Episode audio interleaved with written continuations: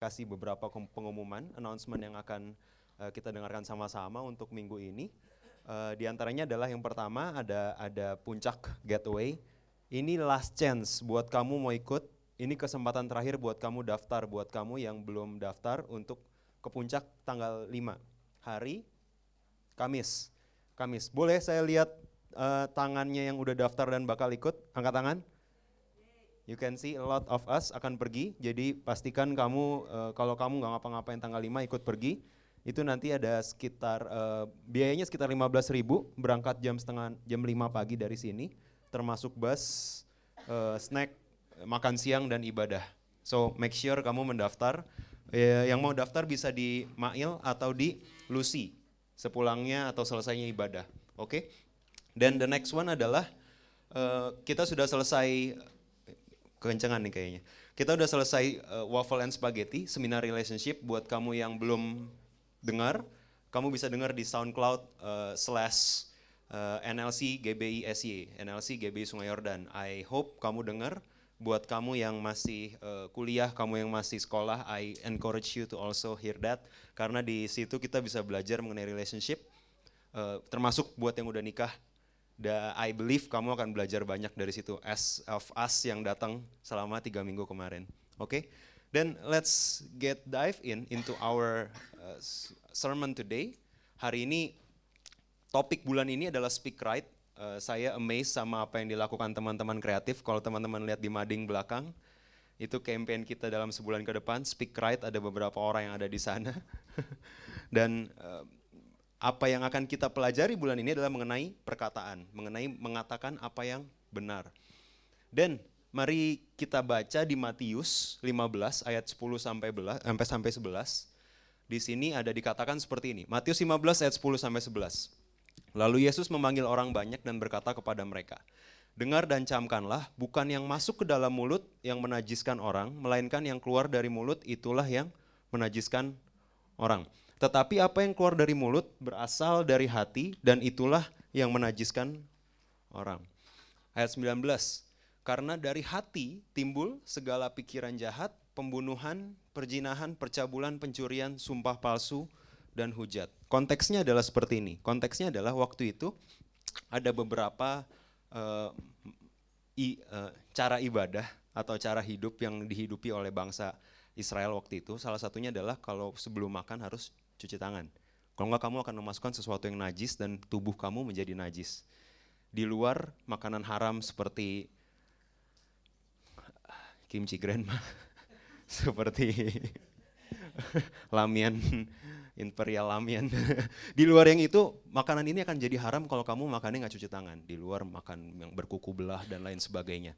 Di situ dibilang uh, ada orang-orang yang memper, mempermasalahkan apa yang dilakukan oleh murid-murid Yesus dan dia bilang, oh kamu kenapa makan nggak cuci tangan dulu karena kamu akan menajiskan tubuhmu. Di sini Yesus bilang bahwa no, yang menajiskan bukan apa yang masuk. Yang lebih menajiskan adalah apa yang keluar. Karena dari hati timbul pikiran jahat, pembunuhan, perjinahan, percabulan, pencurian, sumpah palsu, dan hujat. Di sini Yesus lagi bilang, yang penting adalah bukan apa yang masuk ke dalam mulutmu, tapi apa yang kamu katakan itu meluap dari hati.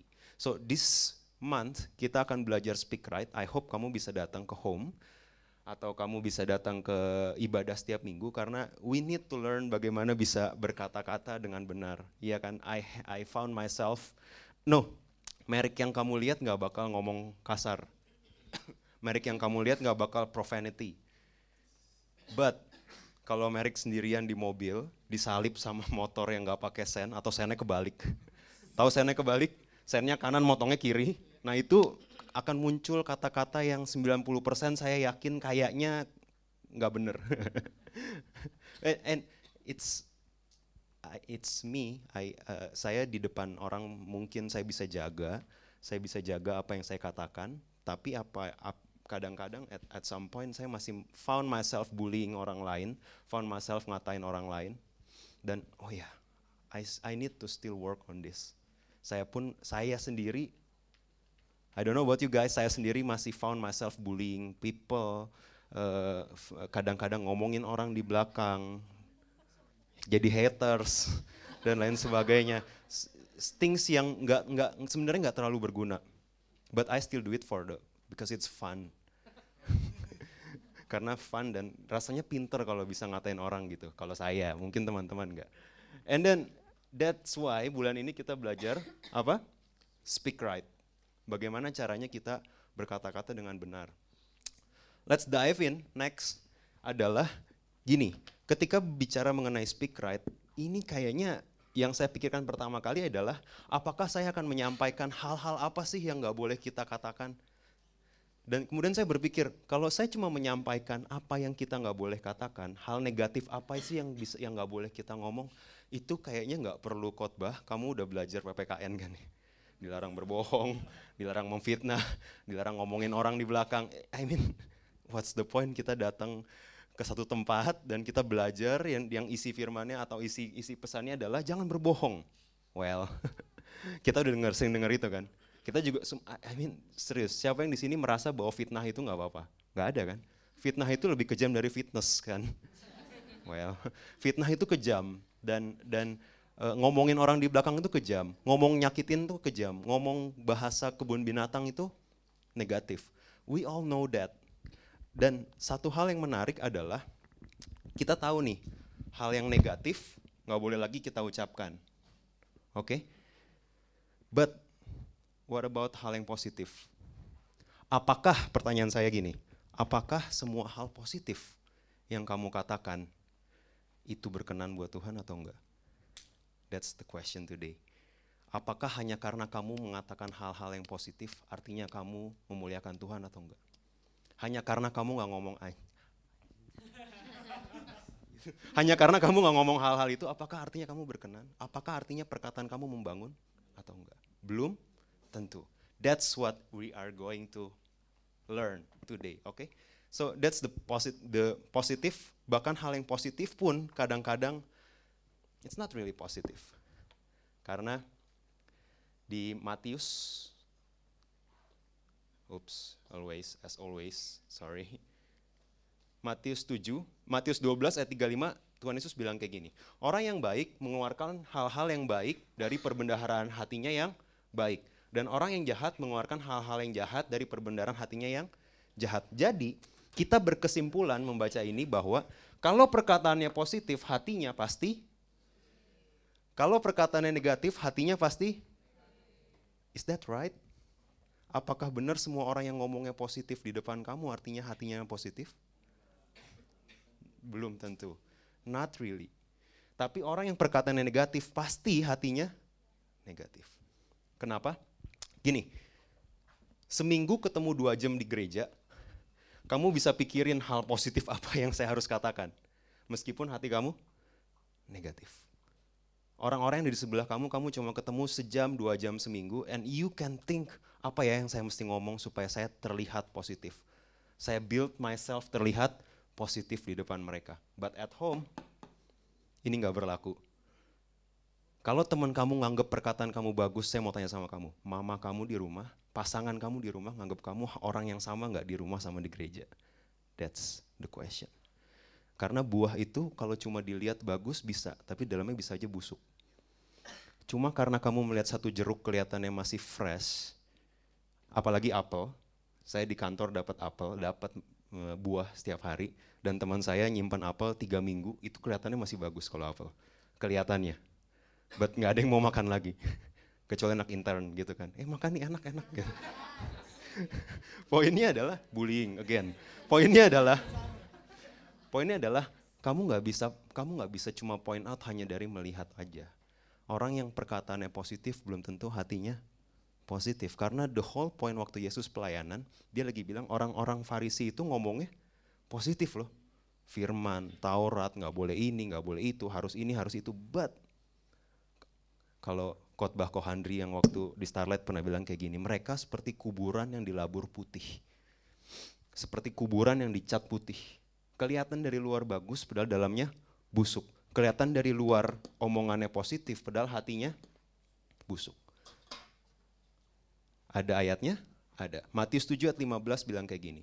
Waspadalah terhadap nabi-nabi palsu yang datang kepadamu dengan menyamar seperti domba, tetapi sungguhnya mereka adalah serigala yang buas. Jadi kita dengan naifnya berpikir bahwa oh kalau dia ngomongnya positif, kalau dia sukanya memuji orang lain, kalau dia setiap ketemu shalom apa kabar, artinya hatinya positif. Well, Tuhan Yesus lagi bilang di sini nggak semua yang datang kepada kamu seperti domba itu benar-benar domba. Sometimes mereka punya intention yang negatif, meskipun perkataannya positif. Nangkep? Karena perkataan ini hanyalah what? Apa yang kamu katakan. Dan apa yang kamu pikirkan adalah how, bagaimana saya mengatakannya ya. Tapi di hati adalah sesuatu yang bilang why. Nangkep? Karena apa yang kamu katakan itu cuma salah satu hal yang penting. Hal penting lain adalah bagaimana kamu mengatakannya dan mengapa kamu mengatakannya. Nangkep? Jadi apa yang kamu katakan mungkin positif, tapi cek why. Kenapa kamu ngomong itu? Alasannya apa? Apakah untuk memanipulasi orang lain meskipun tampaknya positif? Nangkap? Sih, jadi ada tiga hal yang berbeda. Kita terlalu fokus dengan, oh kata-kata saya harus saya jaga. Aduh, saya ngomong, ampuni saya Tuhan. Saya ngomong, tapi ampuni saya Tuhan. Tapi di rumah, ketika mama kamu ngomong, kamu nggak jawab. Ketika pasangan kamu ajak kamu ngomong, kamu cuekin dan kamu nggak merasa bersalah. Cuma karena kamu nggak ngomong. Halo. Cuma karena kamu nggak ngomong. Karena kamu nggak ngomong itu, kamu berpikir bahwa oh saya udah positif. But kamu nggak jawab mereka anyway, kamu nggak acuhin apa yang orang tua kamu sampaikan, kamu acuhin apa yang pasangan kamu sampaikan, ah dia mah cuma ngomong ini doang. Cuma ngomong doang. See, that's the thing. Why is at least as important as the what. Apa yang kamu katakan sama pentingnya dengan bagaimana kamu mengatakannya. I go next. Jadi ada tiga speaking right uh, formula. Ada tiga speaking right formula yang mau saya sampaikan hari ini. Setiap kamu mau menyampaikan sesuatu, perhatikan tiga hal. Is that the right message? Apakah itu pesan yang benar yang perlu saya sampaikan? Yang kedua, apakah pesan itu memang perlu didengar mereka? Right message. Apakah pesan ini perlu mereka dengar? Seberapa jauh mereka perlu mendengar ini? Yang kedua, right timing. Apakah ini waktu yang tepat buat saya ngomong hal ini sama dia? Apakah ini waktu yang tepat buat saya menyampaikan ini sama mereka? Yang ketiga, right audience apakah mereka orang yang tepat untuk mendengar apa yang akan saya sampaikan. Meskipun intention kita positif, bukankah kita sering kebalik-balik di sini?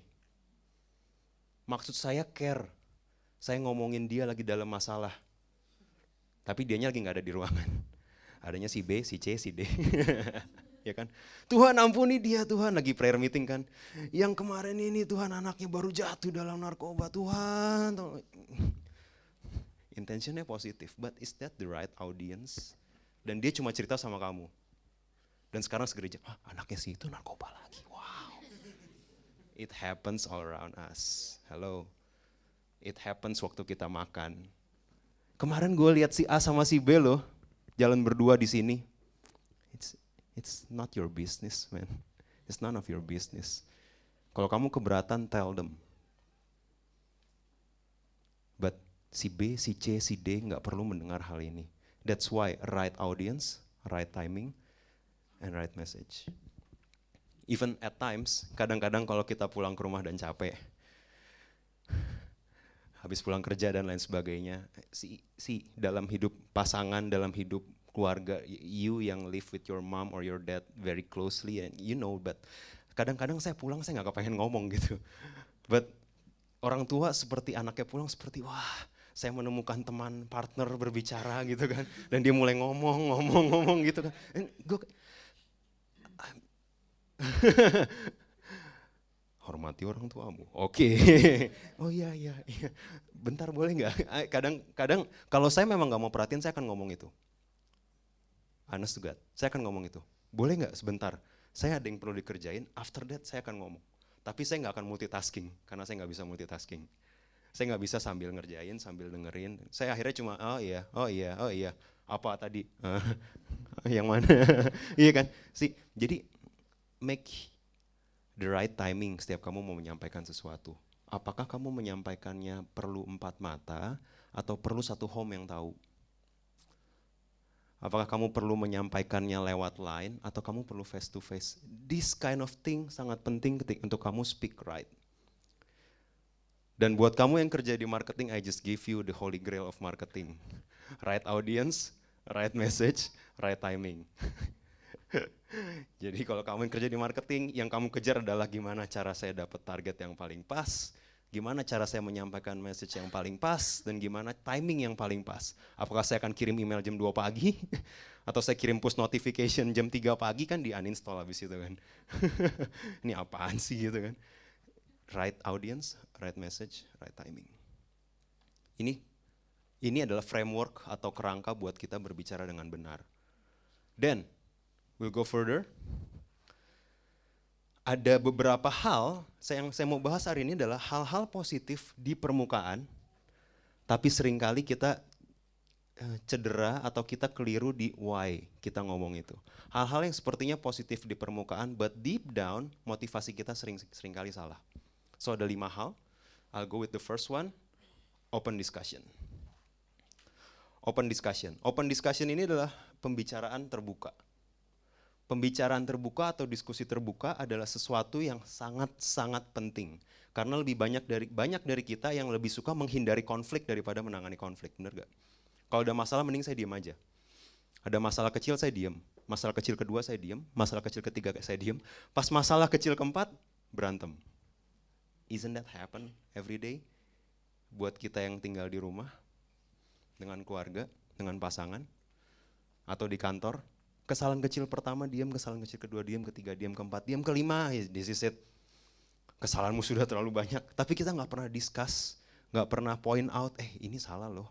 Yang kecil-kecil kita nggak pernah bahas, tapi setelah numpuk, that's it. Kamu nggak cocok di sini, pergi. Kamu bukan pasangan yang pas buat saya, cuma karena apa kata Pak Andri Imam, odol. Cuma karena makan di mana. See, these little things yang kamu nggak gak berusaha open discussion akan bisa jadi masalah besar dan bisa part of speak right adalah open discussion. This is important. Why? Karena open discussion itu ada empat.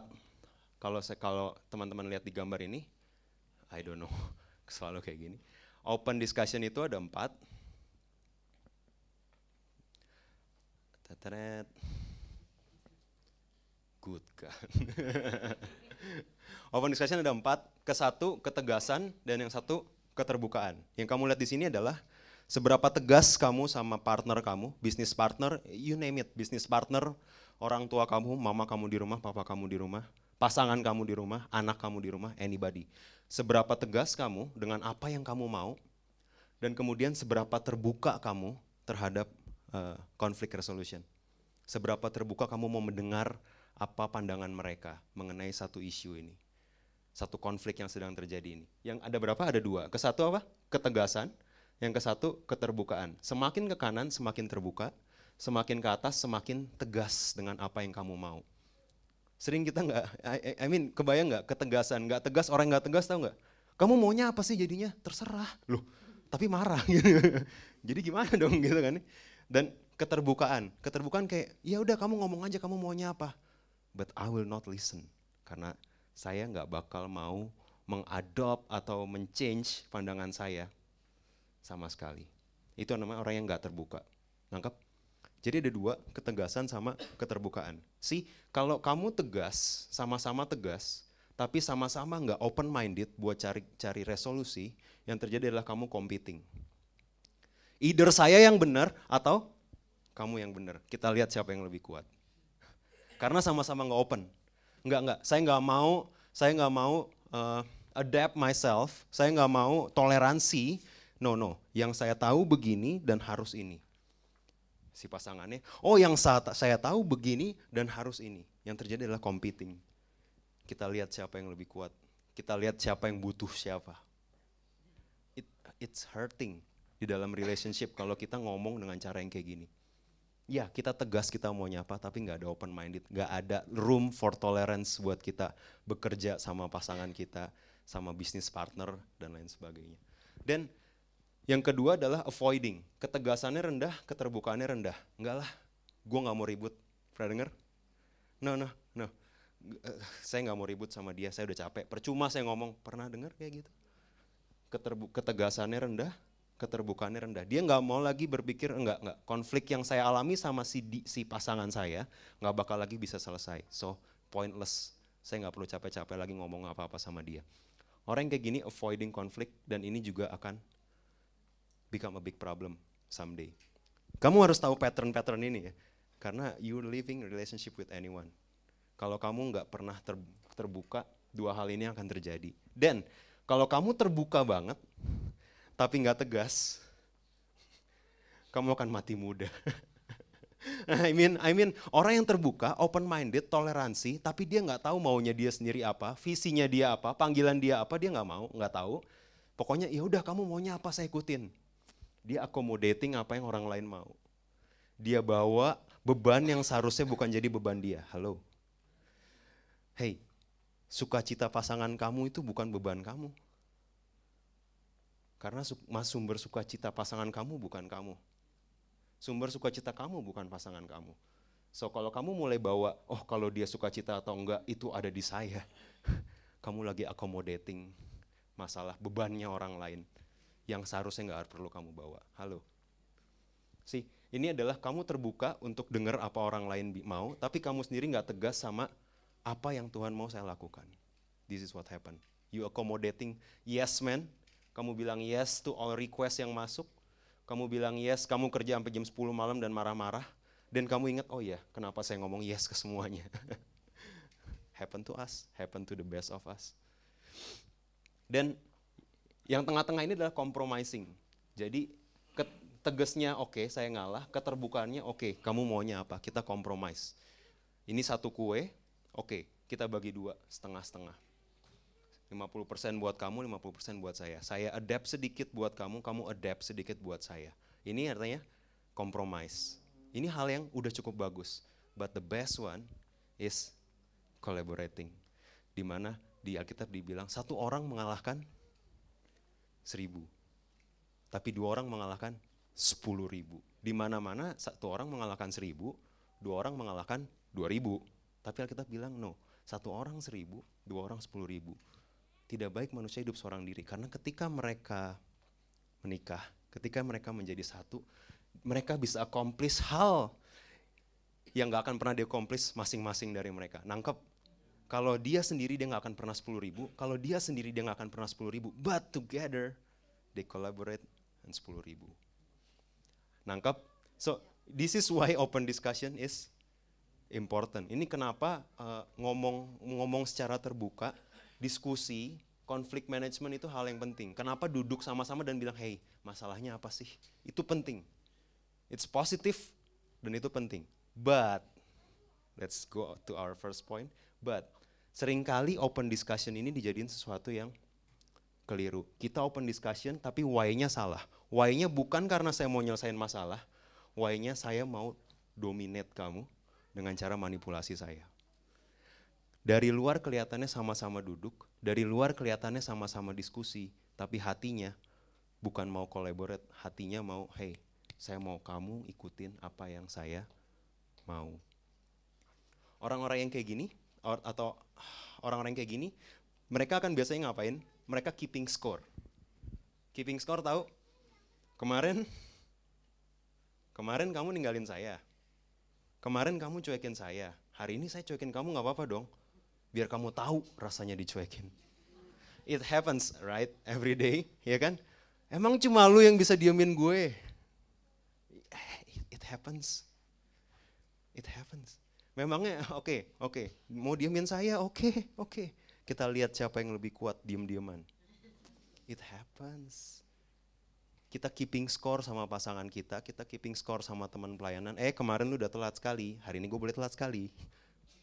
Kita adu telat sampai impas gitu kan. Hey, kemarin kamu udah nggak datang home dan saya cover, so hari ini boleh dong saya males-malesan dan kamu yang cover. Itu kayak keeping score. Open discussion tapi keeping score. Yang kedua adalah rationalization atau rasionalisasi atau projecting blame. Jadi Matius 7 ayat 3 bilang kayak gini, mengapa engkau melihat selumbar di mata saudaramu sedangkan balok di dalam matamu tidak engkau ketahui. Matius 7 3 eh, Matius 7 3 lagi bilang, "Hey, sering dari kita projecting masalah kita ke orang lain. Selumbar kita yang harusnya Tuhan mau kita keluarin, kita sampai lupa. Gara-gara kita projecting salahnya kita sama orang lain. Contoh,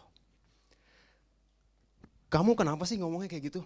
Oh, itu karena kemarin kamu cuekin saya. Itu karena kemarin kamu bohongin saya. Kayak apa yang saya lakukan salah hari ini karena apa yang kamu lakukan kemarin. Nangkep? Projecting blame. Kenapa sih kamu Kenapa sih kamu marah-marah aja bawaannya? Mama sih nanya kayak gitu. It happens. Makanya kalau nanya nadanya biasa aja dong. Wih, as if kita boleh ngomong kasar kalau orang tua kita atau pasangan kita ngomong kasar duluan. As if kita nggak salah kalau dia duluan. Pattern yang sama yang terjadi dari kecil ke bawah sampai gede kan. Pattern yang sama ketika kamu ketika saya di kelas 6 SD dengan teman saya yang bernama Ferdi. Dan kemudian saya sering, dia lagi kerjain tugas karena aktifnya dan uh, intelijen saya yang tinggi, saya selesai duluan dan saya mulai gangguin dia colek gitu kan. Apa sih gitu kan? Colek, colek, colek gitu kan, timpuk gitu kan. Sampai akhirnya dia marah dan dia pukul saya dia pukul saya, dia pukul tangan saya. Pas dia pukul tangan saya, kepala sekolah lagi lihat ke dalam.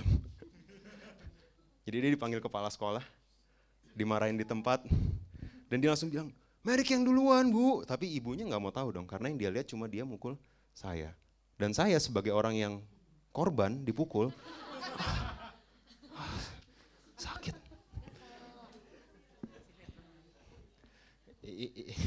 Ini real life. But kita ketawa, tapi the same thing terjadi hari ini sama kamu dengan orang tua kamu, sama kamu dengan pasangan kamu. Kayak ini karena kamu kemarin bohongin saya. Ini karena bulan lalu kamu lebih bela si A daripada saya. Ini karena bulan lalu kamu tinggalin saya. Ini karena bulan lalu kamu marah-marah sama saya. It's if we are in a relationship to keep to keep scores.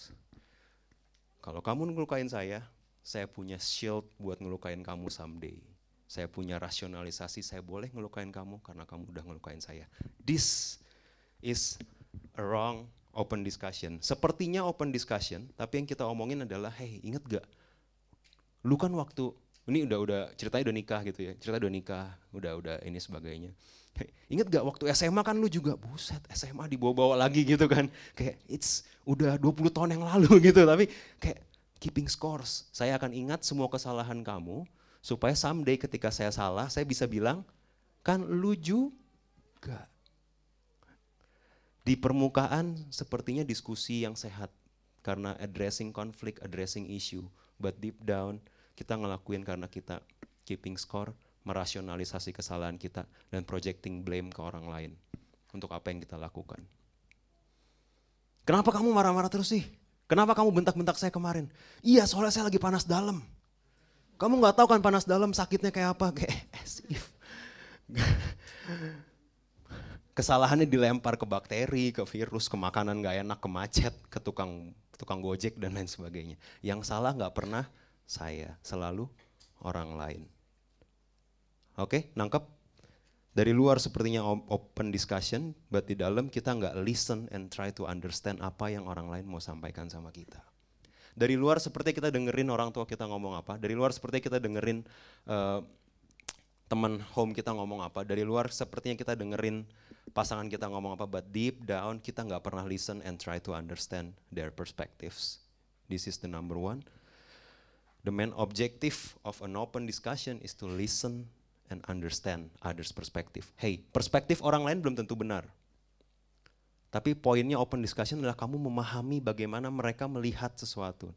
Nangkap? Bukan kamu memaksakan mereka melihat seperti bagaimana kamu melihat hari ini. Oke? Okay? So that's open discussion. The next one. rebuke.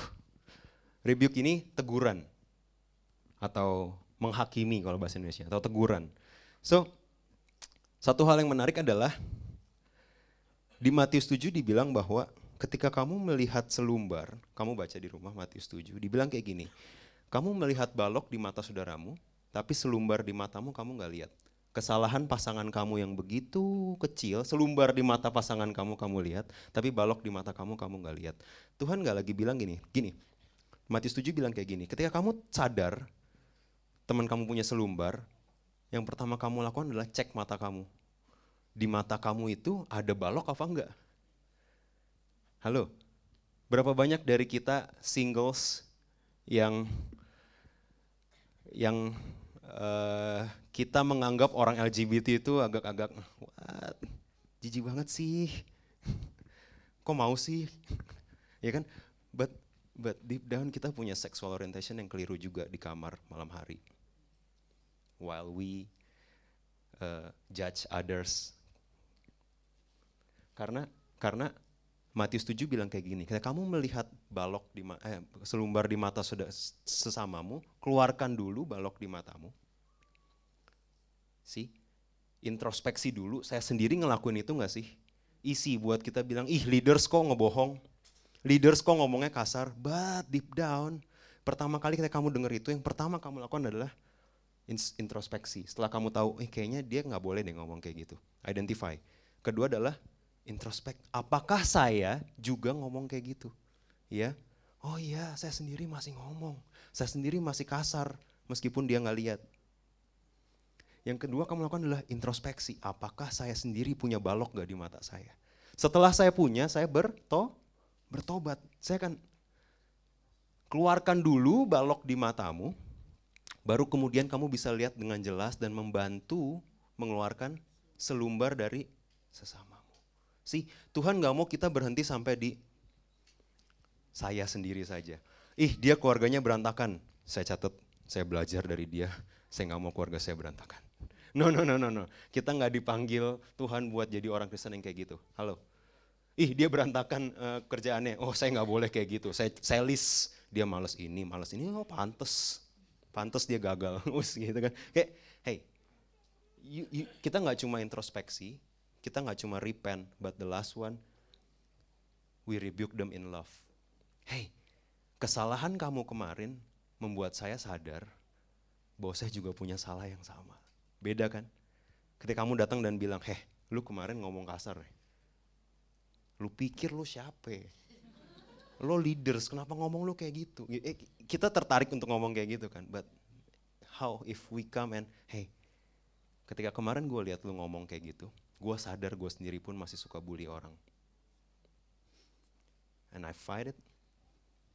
I'm still in the process, but I thank God kalau Tuhan bisa ingetin saya melalui kamu. But saya nggak berhenti sampai di situ. I help you. Let's grow together dan mari kita sama-sama tinggalkan bullying ini. Different kan? Different kan? Yang satu nyorotin matanya pakai center. Yang satu kayak bilang, hey let's do this together. Gue juga punya masalah yang sama, let's fight it. Kalau gue bisa, lu juga bisa. Saya pun pernah ngelakuin hal yang sama. Kalau hari ini saya bisa lepas, kamu pun bisa lepas. It's different. That's speak right. Bukan cuma, hei makanya kasih care funding, gak pernah kan. Gue liatin lu setiap pulang sebulan terakhir gak pernah ngasih. Makanya kerjaan lu kayak gitu-gitu. Oh, it's if, as if rebuking others itu di permukaan sepertinya benar. Ngingetin orang buat memberi benar gak? Benar.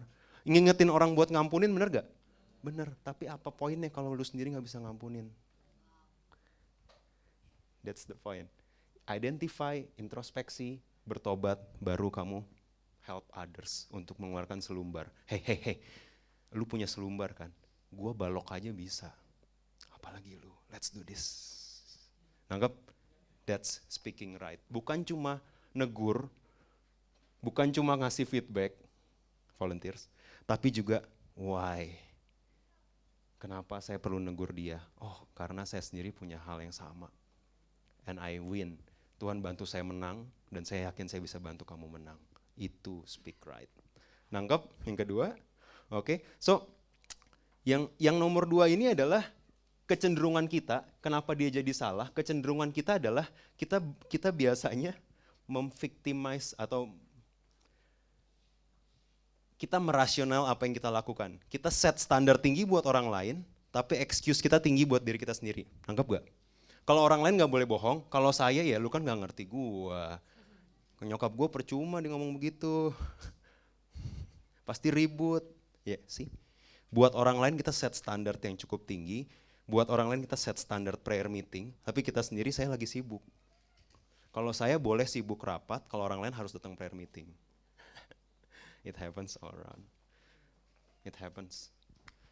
Kalau orang lain saya ingetin kamu harus doa, tapi saya sendiri I'm too tired to do this. Tuhan ngerti lah.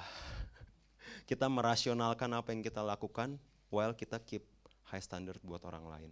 Ini adalah cara yang salah. Tindakan yang keliru dalam kita rebuking orang lain.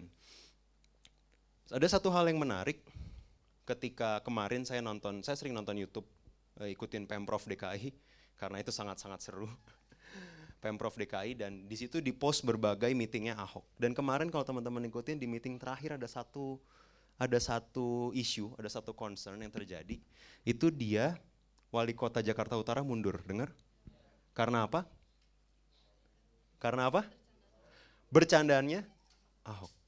Tapi, tapi karena orang-orang udah support dia, kalau teman-teman lihat di komen-komen, semua malah nyalain wali kotanya. Sih, kalau orang udah udah cukup punya power influence yang cukup besar, people akan melindungi dia, meskipun yang dia lakukan itu keliru. I I'm all in. Saya nggak berpikir ada pemimpin yang lebih bagus dari Ahok, but Gurawan, right timing, right audience, right message wali kota Jakarta Utara ini mundur cuma karena gurauan dia pas ketika lagi meeting. Dan interesting yang saya temukan adalah bagian itu dipotong dari video. You can say anything you want. Saya bisa, saya tetap dukung dia. Saya pikir nggak ada yang lebih bagus dari dia. But let's not keep our eyes closed bahwa kalau kamu semakin tinggi posisi kamu, gurauan kamu semakin berbahaya the higher position you are, influence kamu semakin besar, gurawan kamu yang kecil, wali kota mundur. iya, iya, real thing kan? Dan kita nganggap itu hal yang kecil, while actually the same thing happen to us too. Kalau kita bercanda nggak apa-apa, kalau orang bercandain kita, lo pikir lo siapa? Halo, kita ketawa tapi habis itu sakit hati nanti di rumah. Ih dia kok bercandanya gitu ya mentang-mentang gua jelek, mentang-mentang gua miskin, mentang-mentang keluarga gua berantakan. Enak ya mereka ngomongin, kalau kita bercanda nggak apa-apa, tapi kalau orang lain, hmm, katanya Kristen, busuk dalamnya gitu ya. Speak right, karena karena gurauan, candaan, let's make the same standard apa yang kamu omongin sama apa yang kamu bisa dengar. Kalau kamu suka ngebully orang lain, jangan pernah siap ya. Kalau kamu dibully habis-habisan dan kamu harus, oh nggak apa-apa saya terbuka orangnya. Bully me here, gitu. bully saya anytime gitu kan. But, but hey, mari pakai standar yang sama yang kamu pakai untuk orang lain sama diri kamu sendiri. Kenapa kalau pasangan kamu nggak boleh I, A, B, C, kalau kamu boleh? Hanya karena kamu yang cari uang. Kenapa pasangan kamu nggak boleh, eh, kenapa orang tua kamu di rumah nggak boleh A, B, C, dan kamu boleh hanya karena kamu yang bayar listrik sama air? Let's put the same standard, oke? Okay? Apa standar yang kamu pakai untuk menilai orang lain, pakai dulu sama diri sendiri. Karena repentance, repentance, repentance, repentance, repentance, pertobatan dan teguran itu sejalan. Jangan pernah negur kalau kamu belum bertobat dari masalah yang sama. Saya ulang, jangan pernah menegur orang lain kalau kamu belum bertobat dari masalah yang sama. As if orang yang nyontek di kelas itu lebih dosa daripada orang yang nyalin tugas jam 7 pagi teman-teman yang masih sekolah. As if uh, orang yang ketawa nyontek itu lebih hina daripada kita-kita yang kopi di Harmin satu dan kemudian nyalin jam 5 pagi datang ke kampus dan nyalin. Karena repentance and rebuke goes hand in hand. Jangan pernah menghakimi orang sebelum kamu introspeksi dulu, apakah saya melakukan dosa yang sama? That's number two, rebuke. Masih semangat? This is number three, witness, kesaksian. Kesaksian bagus? I don't have to explain kenapa kesaksian hal yang positif ya. Karena Great Commission Amanat Agung bilang, pergi dan jadi saksi. Kesaksian itu hal yang bagus. Oh, i, i, apa nih? Kesaksian bagus kok. Apa jangan-jangan dia mau bilang kesaksian jelek? No, no, no, no. Sampai kapan pun saya akan bilang kesaksian itu bagus. Cuma sayangnya beberapa dari kita lebih suka kesaksian, eh, lebih suka curhat daripada kesaksian. Beberapa dari kita lebih suka bilang sama orang-orang bagaimana saya terluka daripada bilang bagaimana Tuhan memulihkan saya. But kesaksian itu bagus, tapi bagaimana kesaksian ini jadi buruk? What? Kesaksian. It's good. Is it good? It is good. But why? Kenapa kamu kesaksian? Apakah kamu mengorban, mempoint out korbannya kamu? Betapa kamu korban dari semua dusta dan keluarga dan hubungan ini? Saya korban. Saya korban. Self pity kayak kalau dia nggak gituin saya, aduh saya nggak kuat lagi. Kalau bukan Tuhan udah kupukul dia semua. as if as if kalau bukan Tuhan yang bantu saya, saya nggak kuat lagi, Ci, gitu kan. Tapi ceritanya cuma sepotong. Kamu nggak pernah cerita apa yang kamu lakukan ke dia. Kamu cerita bagaimana pasangan kamu melukai kamu, tapi kamu nggak cerita ke orang-orang bagaimana kamu memperlakukan pasangan kamu. Halo. Yang kamu cerita cuma sepotong bagian di mana kamu victim. Saya suka, dulu saya suka cerita mengenai hubungan saya yang gagal dan saya suka point out bagaimana saya ditipu, bagaimana saya dibohongi, si cheated on me dan lain sebagainya. Saya suka cerita itu ke orang, nggak personal tentunya. Supaya saya dapat simpati dari orang lain. I know it now. Supaya saya dapat simpati. Wah hidup dia berat ya, kasihan ya dia ya. Wih sekarang dia pelayanan lo hebat lo. Padahal hidupnya begitu berat. That's what I want. Karena saya nggak pernah cerita sama mereka bagaimana saya memperlakukan mantan saya. No, yang itu saya keep, yang victim saya keceritain. Nangkep? Kesannya kesaksian, tapi nggak semuanya saya ceritain. Halo, kesannya hidup gue berat, tapi apa keputusan saya yang salah nggak saya ceritain sama orang lain. Halo, halo, nangkep, nangkep. I hope you get it ya, karena kita suka curhat dan cerita bagaimana kita diperlakukan dengan salah oleh oleh teman-teman gereja kita. Kita diperlakukan, ditegur dengan keras. Katanya teman pelayanan, tapi negurnya kayak gitu. Itu kita ceritain ke orang-orang. Tapi kita nggak ceritain gimana kita tiap di kontak gak pernah jawab, tiap prayer meeting gak pernah datang. Halo, hey, same thing, same thing kalau di keluarga. Kita cerita pasangan kita apa yang buruk-buruknya, tapi kita nggak pernah cerita sama orang lain apa yang saya lakukan keliru buat pasangan saya. Di permukaan sama-sama kesaksian, but why-nya beda. Why-nya karena saya mau simpati dan loyalty orang lain buat saya. I've been there, trust me. It's easy to be trapped, terjebak sama hal ini. As if Tuhan itu jahat banget sama kamu. As if orang-orang um, yang melukai itu jahat banget sama kamu tapi kamu simpen bagian di mana keputusan kamu yang salah sebenarnya. Nangkep, nangkep. See, so this witness kesaksian yang kita lakukan, satu hal yang saya ingetin adalah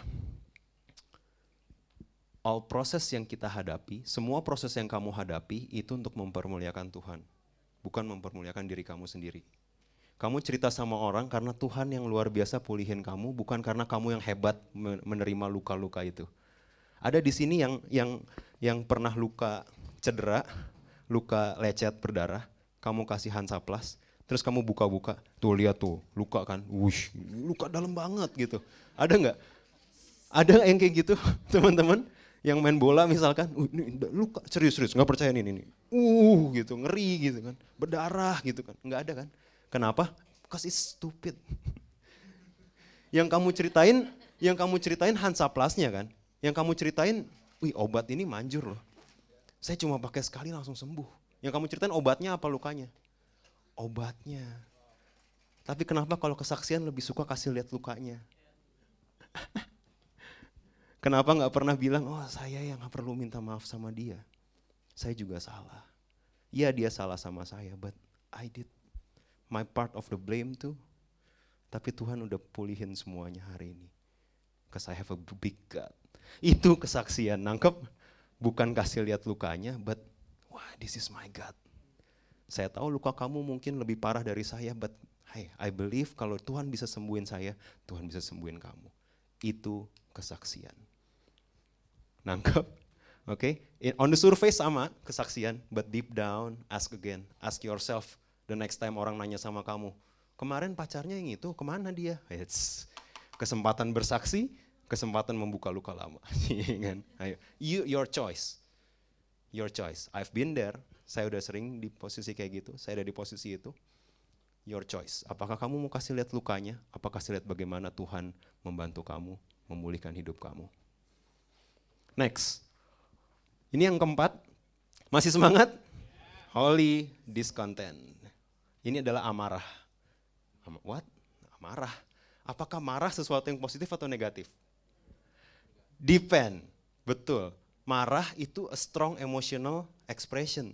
Itu adalah ekspresi emo, ekspresi ekspresi emosi yang begitu berbesar. Apakah itu positif atau negatif? Tergantung kamu marahnya kayak apa. Karena di Efesus, teman-teman yang bawa kitab boleh dibuka, Efesus 4 ayat 26 sampai 27 bilang kayak gini. Ini ayat hafalan harusnya. Apabila kamu menjadi marah, janganlah kamu berbuat dosa. Teman-teman perhatiin ya.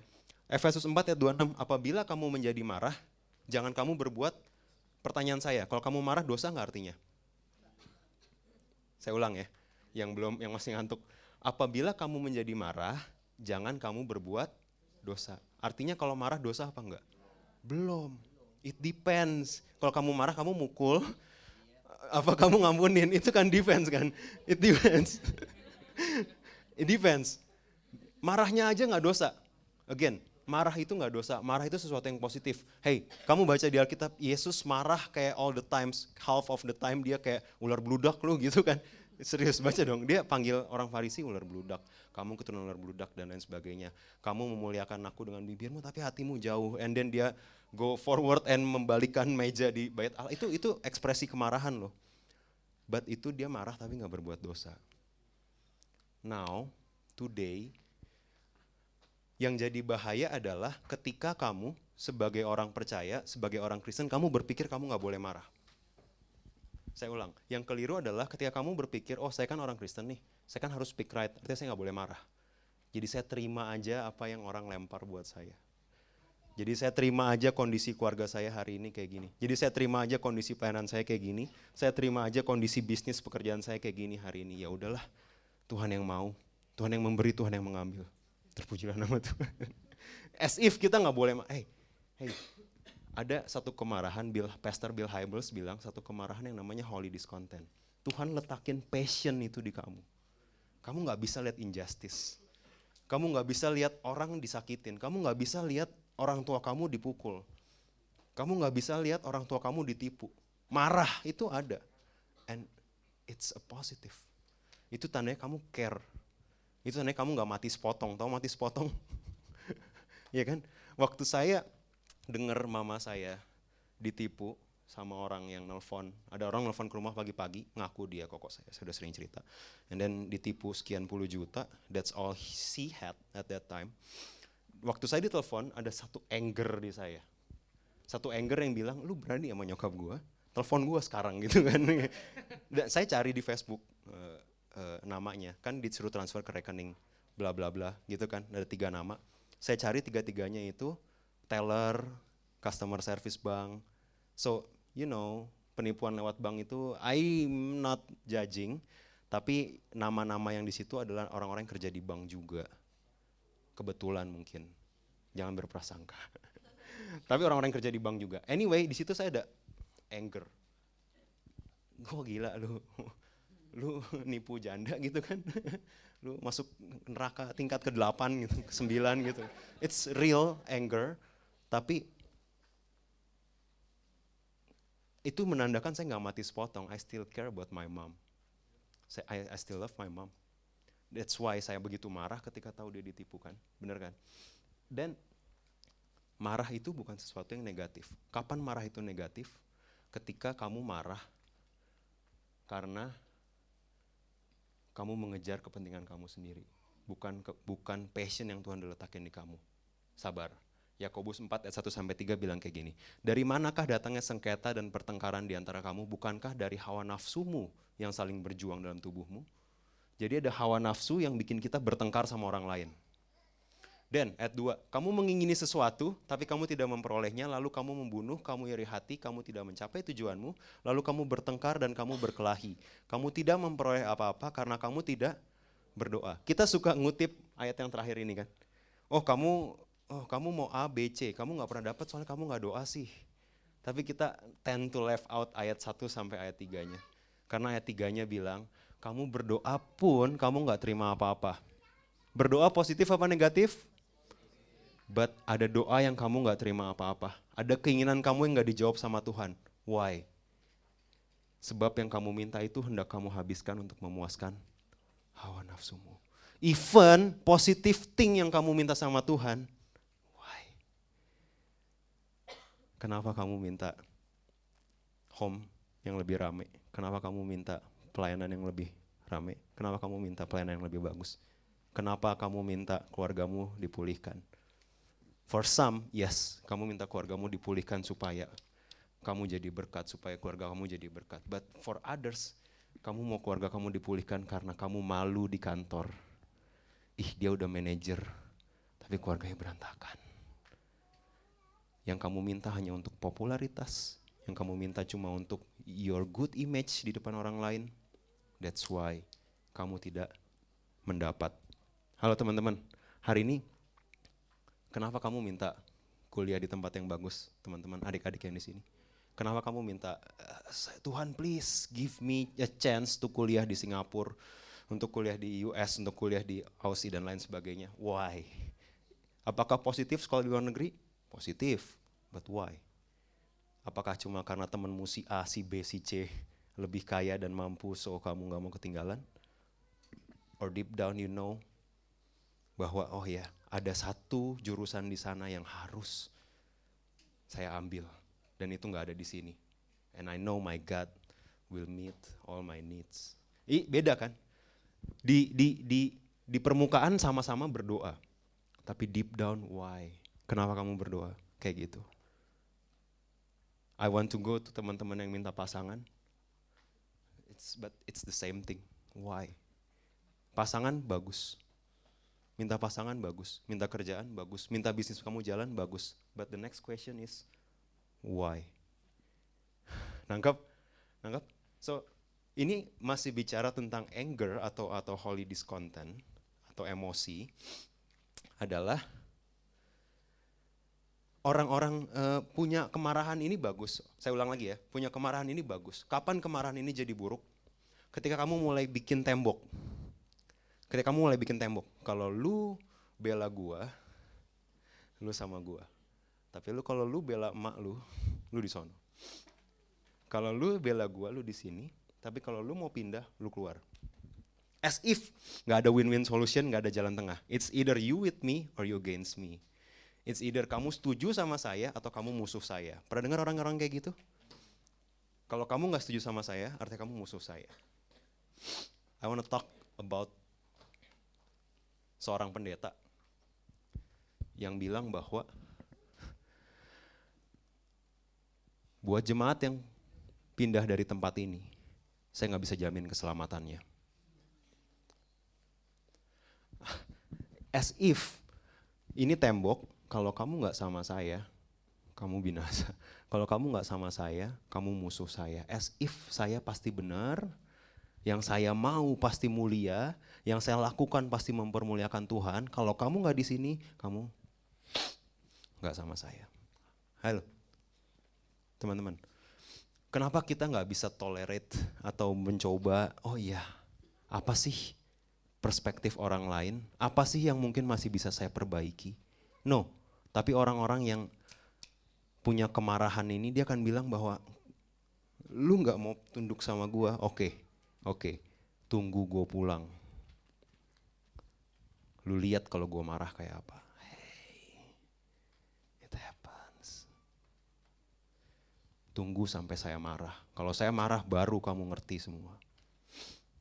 Kalau saya udah ngamuk baru semua tunduk sama saya. As if apa yang kamu kejar itu sudah mempermuliakan Tuhan. Halo. so the main point adalah the most important step in pursuing what we want hal yang terpenting dalam mengejar apa yang kamu mau, apa yang kamu doakan adalah mengerti kenapa kamu berdoa kayak gitu.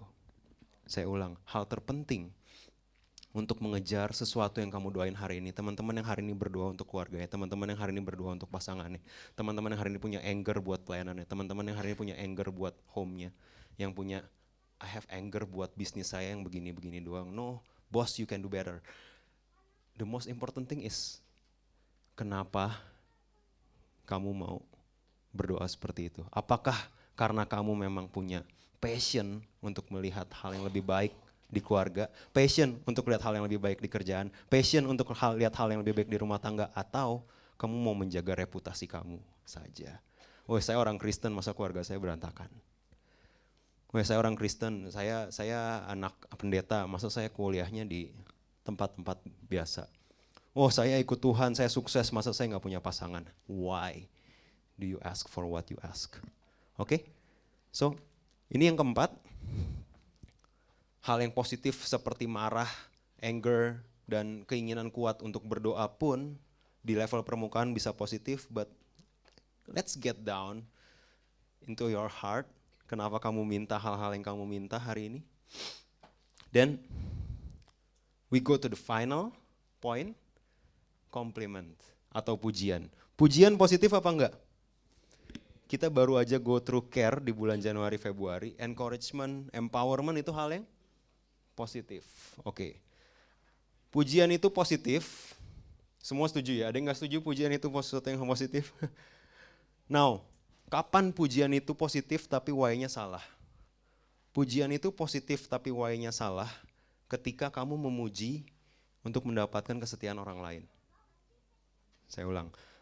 Kapan memuji orang itu salah ketika kamu memuji dia untuk melower defense dia supaya dia sepaham sama kamu. Some of you will understand. Beberapa dari kamu pasti mengerti. Beberapa orang memuji kamu for the sake dia dapat kesetiaan kamu, loyalty kamu. Jadi besok-besok kalau gue bikin ide lu bantu gue ya. Kira-kira kayak gitu. Tapi nggak ngomong langsung. Dipuji dulu. Wih bagus ya kerjaannya ya. Bagus loh. Supaya besok kalau saya punya ide, lu bantu gue ya. Kan udah gue puji. Di surface sepertinya itu pujian. Pernah dengar orang ngomong kayak gini? Ya nggak gitulah.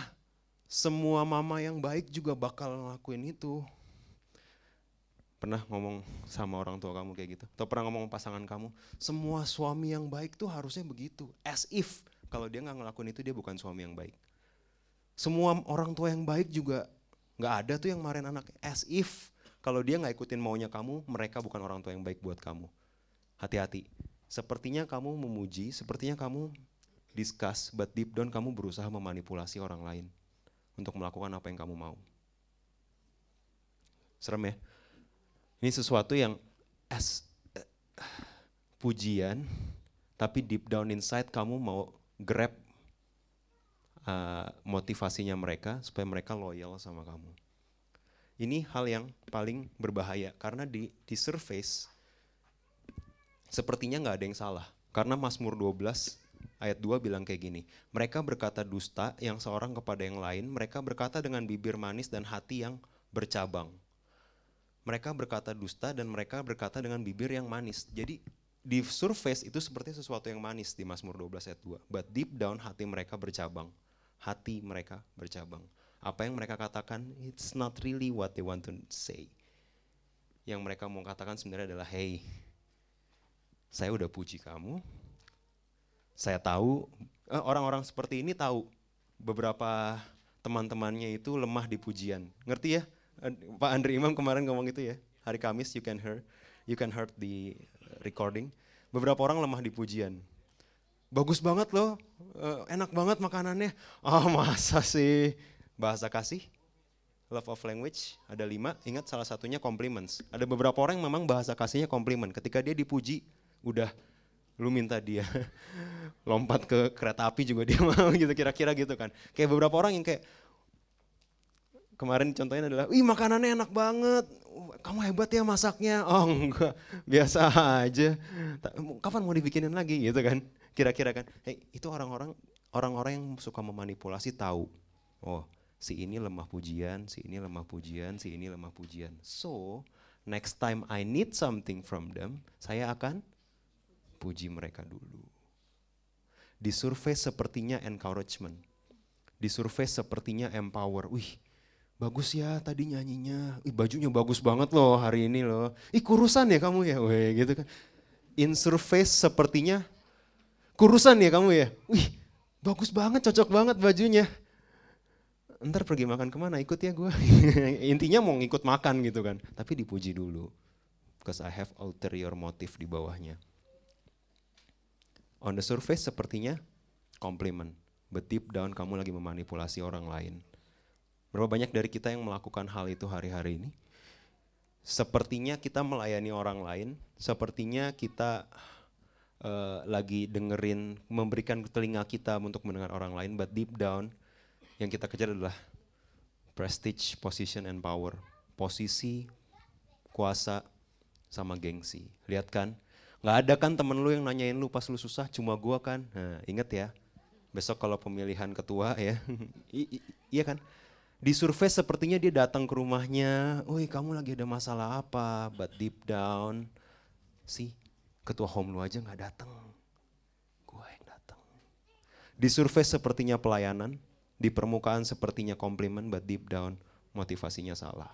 Again, teman-teman, lima hal ini adalah lima hal yang di permukaan atau di what-nya itu adalah sesuatu yang positif, tapi di why-nya itu salah.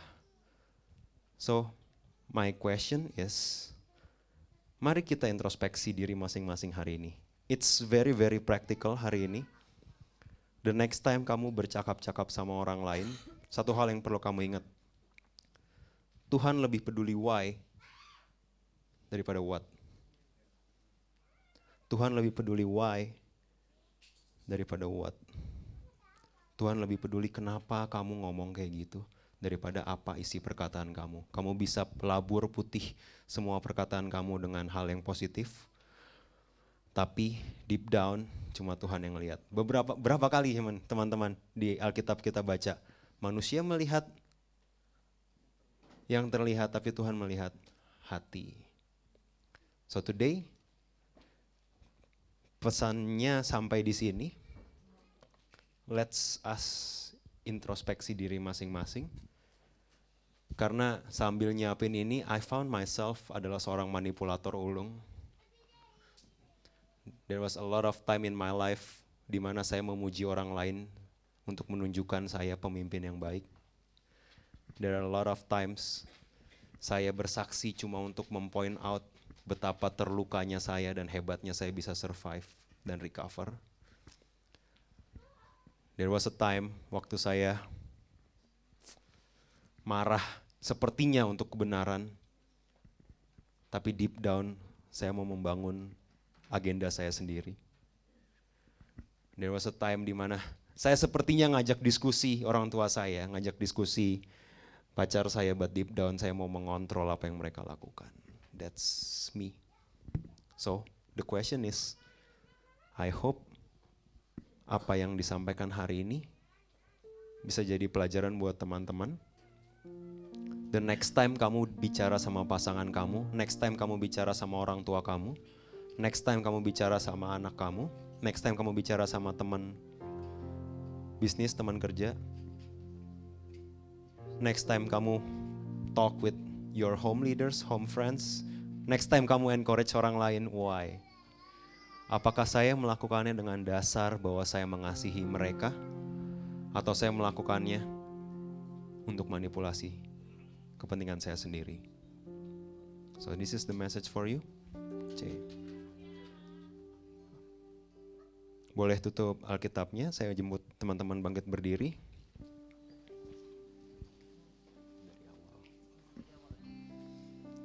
Let's sing this song and learn today bahwa Tuhan menyelidiki hati kita lebih dari perkataan kita. So lebih baik kita berurusan sama hati dulu sebelum mikir apa yang harus kita katakan. Lebih baik kita biarkan Tuhan berurusan sama hati kita dulu sebelum kita mulai encourage orang lain, memuji orang lain dan lain sebagainya.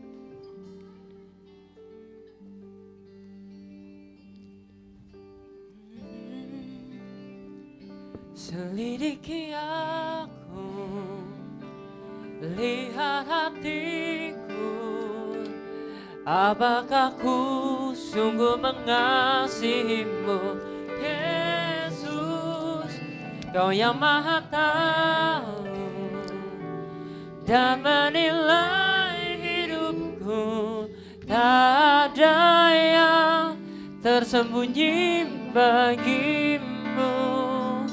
Selidiki aku, lihat hatiku, apakah ku sungguh mengasihimu, Yesus, Kau yang maha tahu dan menilai hidupku, tak ada yang tersembunyi bagimu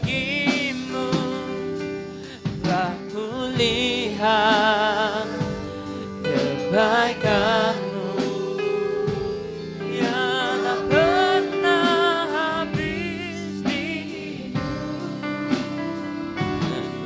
berjuang sampai akhirnya kau dapat dia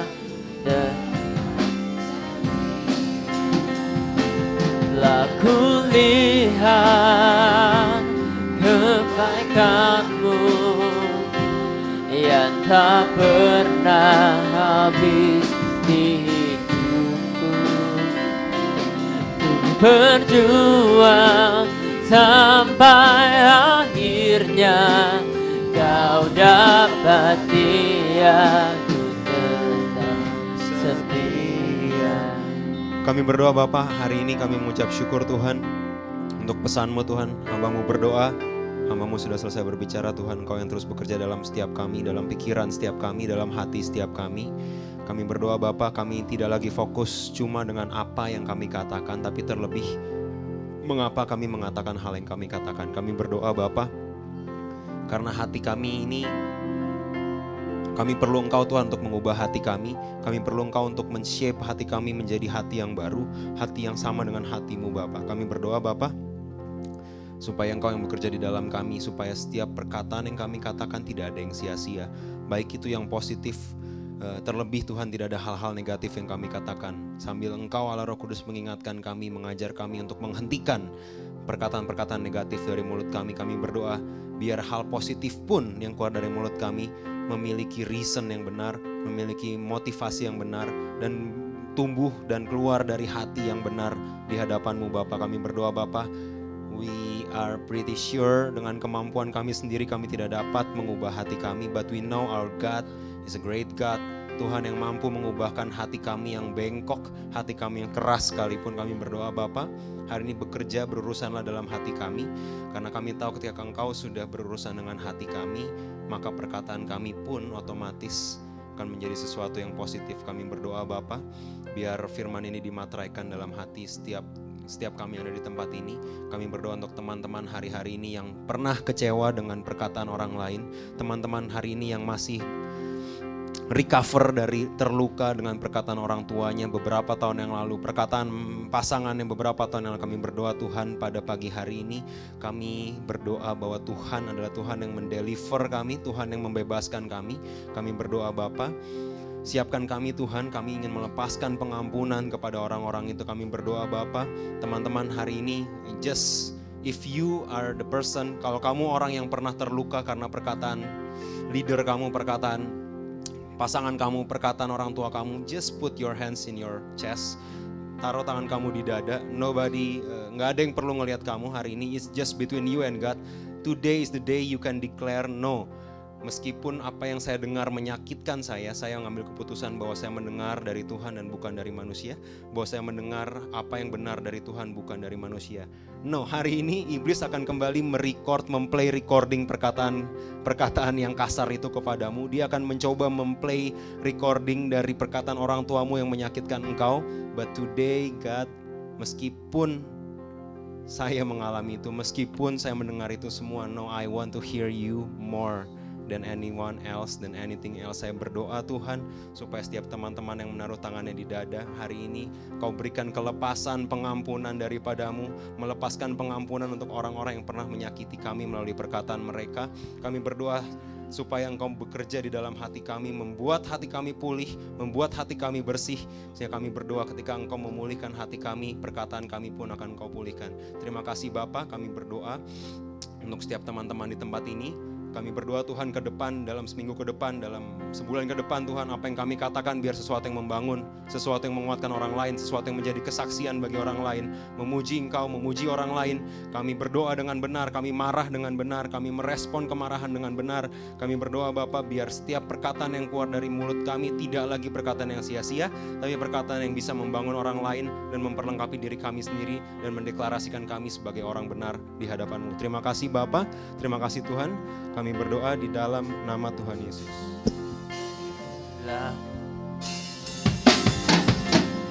Tuhan kebaikanmu yang tak pernah di hidupku ku berjuang sampai akhirnya kau dan Sekali kita katakan aku lihat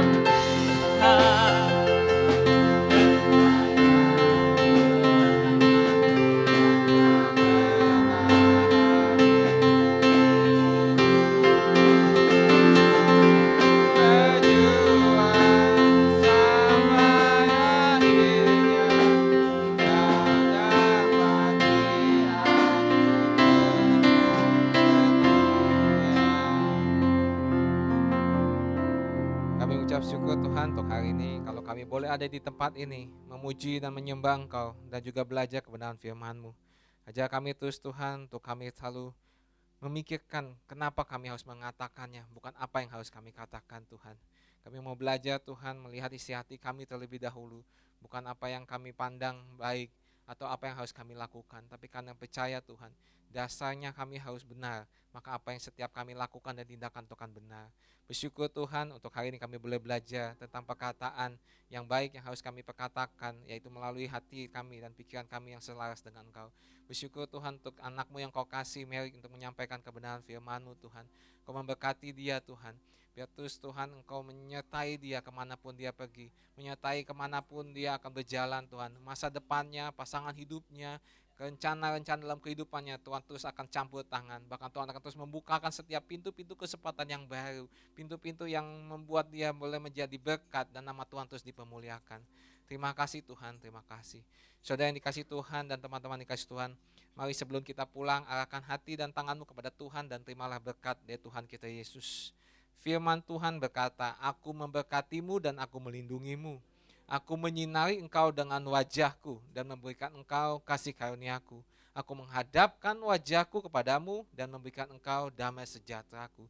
Damai sejahtera dari Allah Bapa, kasih setia daripada Tuhan Yesus Kristus dan persekutuan yang manis dan indah dari Roh Kudus yang selalu menyertai kita saat ini dan sampai selama-lamanya.